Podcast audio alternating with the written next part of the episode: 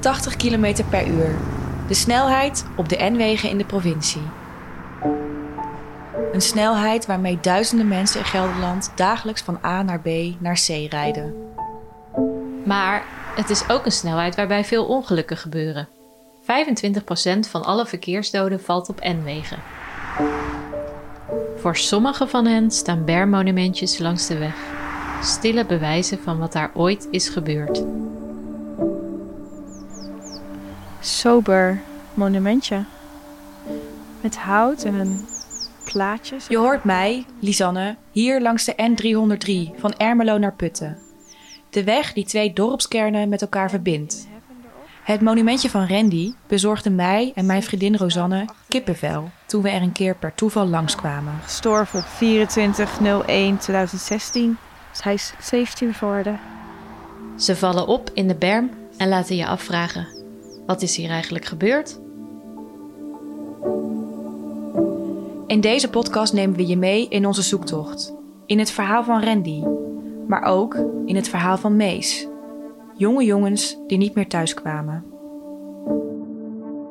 En naar het verhaal van de weg. Wat is daarmee aan de hand? Dit is de podcast 80 km per uur. Aflevering 1. De klap. Hallo. Hallo. De sleutel weg. Hoi. Hi. Hi, Susanne. Aangenaam.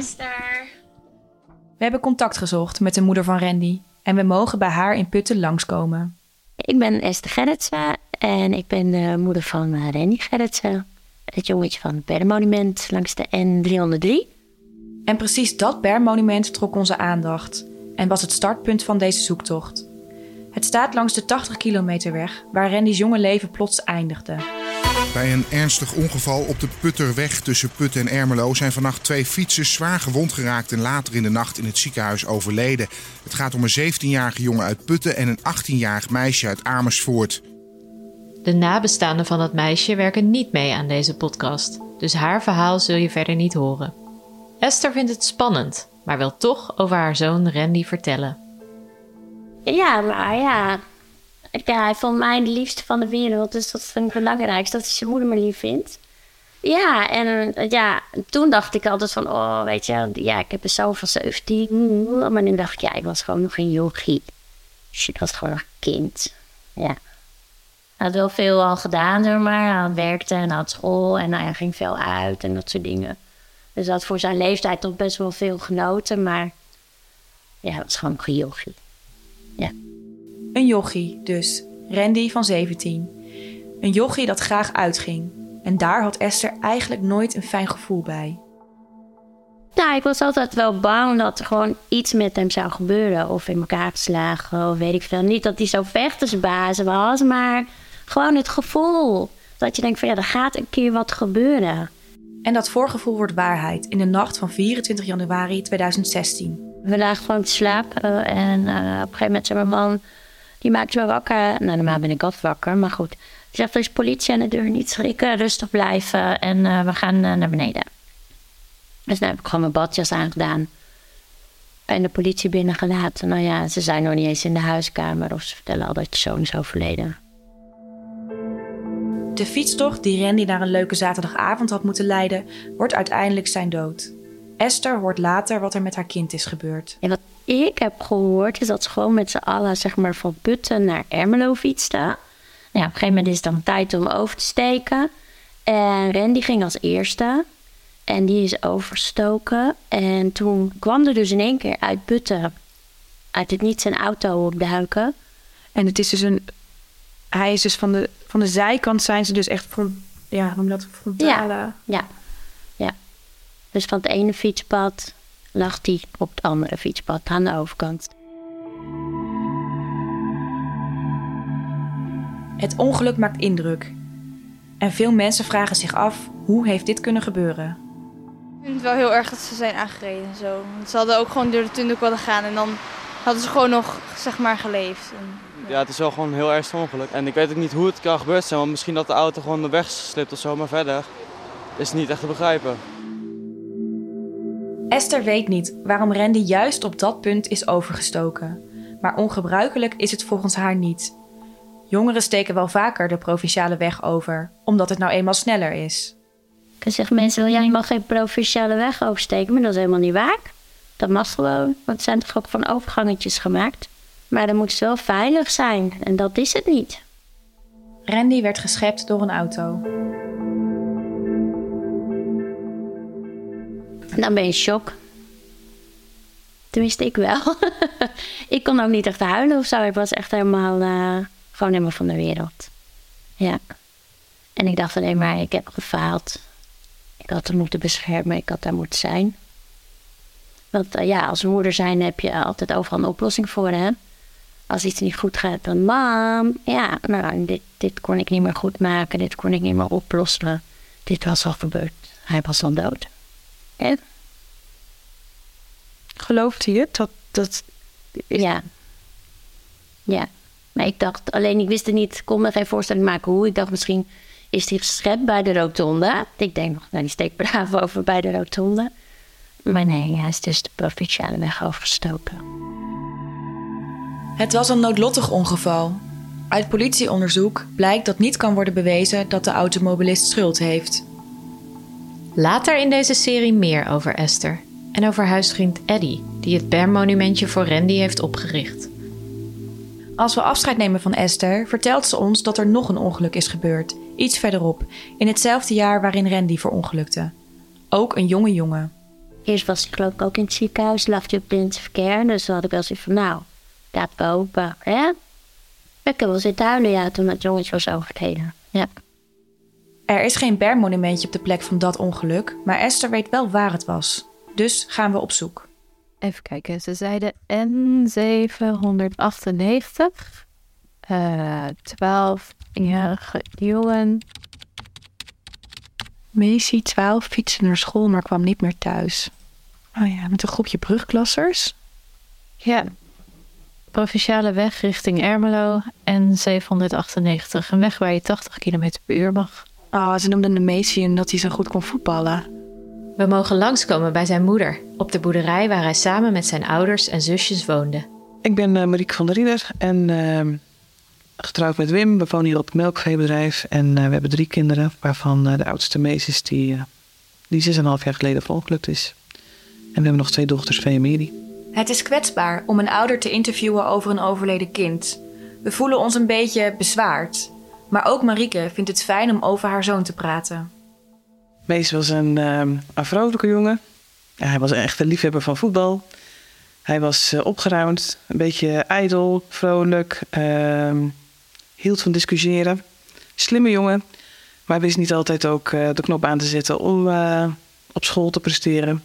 Dus daar had hij wel wat hulp bij. En dat, nou, dat ging eigenlijk steeds beter.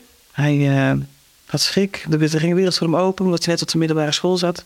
En hij zat in de eerste klas of tweede klas? Hij zat in de eerste klas van het voortgezet onderwijs in Ermelo op Groevenbeek. Daar deed hij HVWO. En uh, ja, na, na, vier weken of vijf weken, dus je kon er nog echt weinig van zeggen. Toen het ongeluk gebeurde? Toen het ongeluk gebeurde, dus hij heeft er maar heel kort gezeten. Want kan je me vertellen um, de, uh, wat de route is van hier naar, uh, naar zijn school? Um, Lang geleden is er ooit een weg aangelegd uh, tussen Amersfoort en Zwolle. Daar wonen wij hier aan. Dat zie je de Nijkerkstraat. En die rijden gewoon rechtdoor, rechtdoor, rechtdoor, rechtdoor. En dan sla je één keer af na 12 kilometer en dan ben je bij school. De weg die Marieke beschrijft loopt over in de N303 waar Randy omkwam. Een provinciale N-weg waar 80 km per uur gereden mag worden en waar aan beide kanten fietspaden langs lopen. Veel kinderen fietsen daarover naar school. En was jij dan, of ben je dan zo'n moeder die dan denkt: oh, daar gaat mijn kind de weg op met die grote tas achterop? Nee. Nee, niet, niet echt. Weet je, je probeert hem erop voor te bereiden. Hij ging al steeds meer fietsen. Je gaat met hem op fiets naar, uh, naar de sport. En uh, je probeert hem voor te bereiden op het verkeer. Maar je kunt hem niet aan de hand nemen. Dat valt niet mee. En um, er liggen een aantal dingen buiten die cirkel van invloed. En de weg opgaan, dat is daar één van. Dus uh, je probeert ze voor te bereiden. Je probeert ze mee te geven dat ze voorzichtig zijn, dat ze opletten. En dan uh, moet je ze in vertrouwen laten gaan. En dat hebben we altijd gedaan.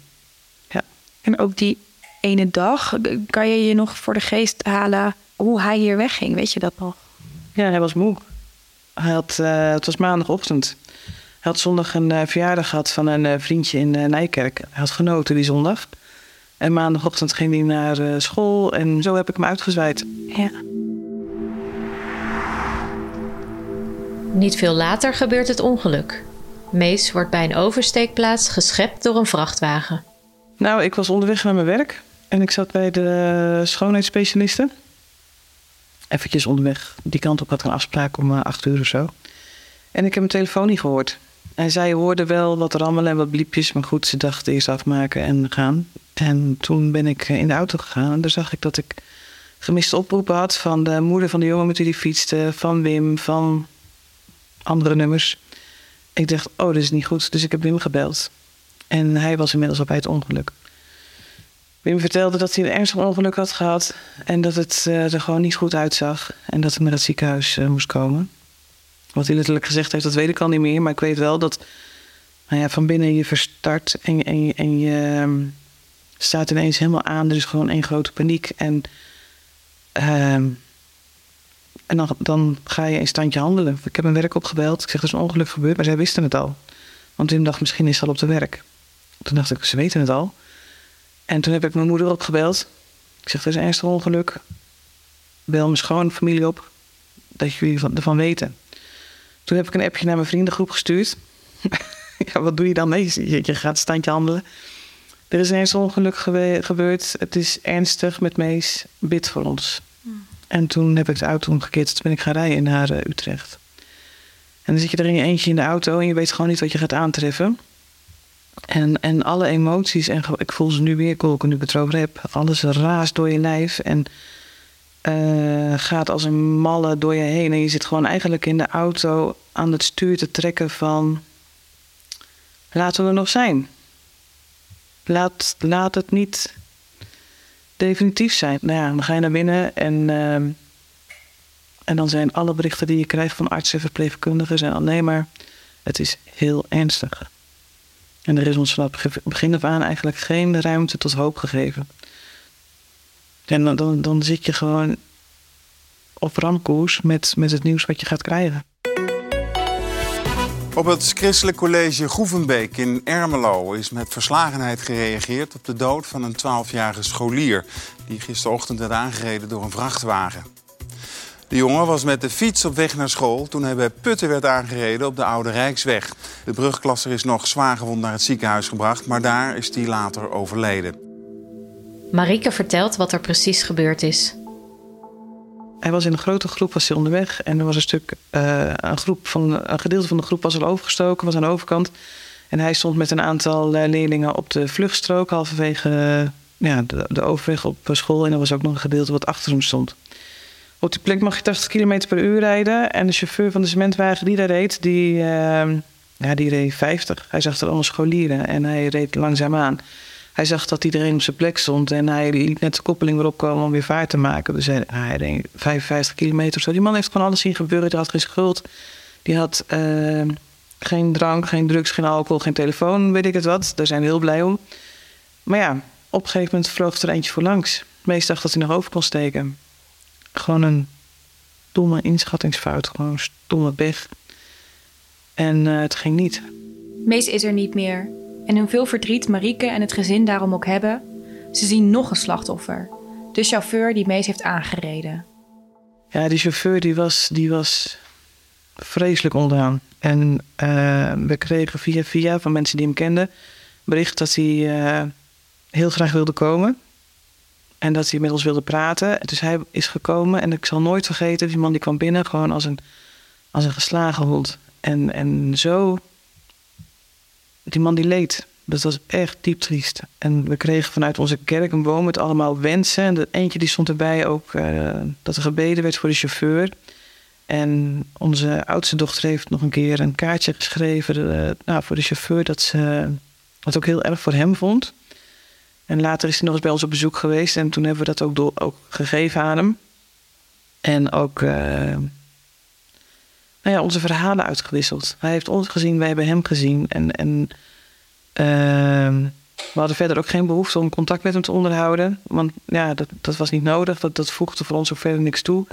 Maar we konden hem wel gewoon goed vertellen dat het domme pech was. Dat we er niks kwalijk namen. Dat ze het ook erg voor hem vonden. En dat, nou ja, goed, dat, dat heeft hij ons ook kunnen vertellen. En ik denk dat het voor beide partijen goed was. Later hoor je meer over Marieke, over de rouw die volgde en wat haar daarin hielp. Maar eerst willen we je nog wat meer over de weg vertellen. Daarvoor gaan we langs bij iemand die aan de weg woont. Als wij 's ochtends de kinderen uitzwaaien, dan zwaaien je altijd eventjes. En dan, als je een sirene hoort, sta je wel gelijk stijf. Dat je denkt, ah, waar zijn ze? Hoe laat gingen ze weg? Je hoort hier Janetta Meernik. Ze woont vlak bij het punt waarmee ze is aangereden. Vanuit haar woonkamer laat ze zien hoe ze op de weg kijkt. Uh, nou, als ik nu door het raam kijk, dan kijk ik uh, op het fietspad, eigenlijk uh, de kruising waar je rechtdoor gaat richting Ermelo. En waar je rechts af kan gaan de wijk in. en ik kijk dan tegen het einde van de oversteek.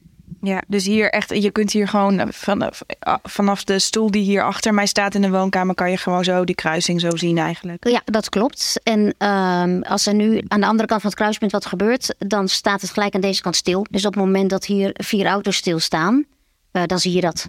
En dan weet jij hoe en dan, laat het is. dan weet ik hoe laat het is, ja. Dat wist Janetta ook op de dag dat Mees werd aangereden. Ze herinnert het zich nog goed, ook al is het inmiddels bijna zeven jaar geleden. Het was rond acht uur en dan kijk je uit het raam en dan zie je eigenlijk al een hele ophoping van kinderen. Dus uh, wij zijn, tenminste, ik ben naar buiten gegaan. Mijn man is bij de kinderen gebleven. En toen kwamen er twee meisjes mij tegemoet rennen. En die zeiden: Oh, Mees heeft een ongeluk gehad. En toen dacht ik: Oh nee, die is van Marieke en Wim. En op dat moment, dan, dat kan je gewoon niet beschrijven. Dat is zo bizar dat je gewoon weet um, dat een kind daar ligt, vecht voor zijn leven. En dat de ouders het niet weten. Dus dat is echt heel moeilijk. Uh, nou, toen kwam eigenlijk ook heel snel al de politie eraan en die heeft het overgenomen. Uh, maar je ziet wel zo'n kind liggen en je kan helemaal niets. Alleen maar bedenken, ja, wat als het mijn kind was geweest? Dat is echt gewoon, gewoon niet te beschrijven. En ook het, weet je, je een stukje, nou, hoe zou ik het noemen? Onbezorgdheid wordt ook afgepakt. En misschien ook wel naïviteit, maar dat ik echt dacht van... ik had er echt nooit bij stilgestaan dat mijn kind ergens zou kunnen liggen vechten voor zijn of haar leven. En je weet het als ouder niet. Janetta maakt in de 15 jaar dat ze aan de weg woont verschillende heftige ongelukken en tientallen bijna ongelukken mee. Dat, dat maakt het ook zo moeilijk dat je dan niet, hè, want daarna zijn er ook gewoon weer ongelukken gebeurd of bijna ongelukken. Uh, het liefst zou je dan, je bent heel boos als het weer gebeurt. Want dan denk je, jongens, we zijn hier al zo lang mee bezig en we hebben al zoveel mensen van de provincie, van de gemeente gesproken. En iedereen zegt ja, ja, ja, we begrijpen het, ja, ja, ja, we snappen het, we doen er wat aan. Maar niemand staat hier als zo'n kind is aangereden of uh, aanbelt of je, of je ze wil helpen.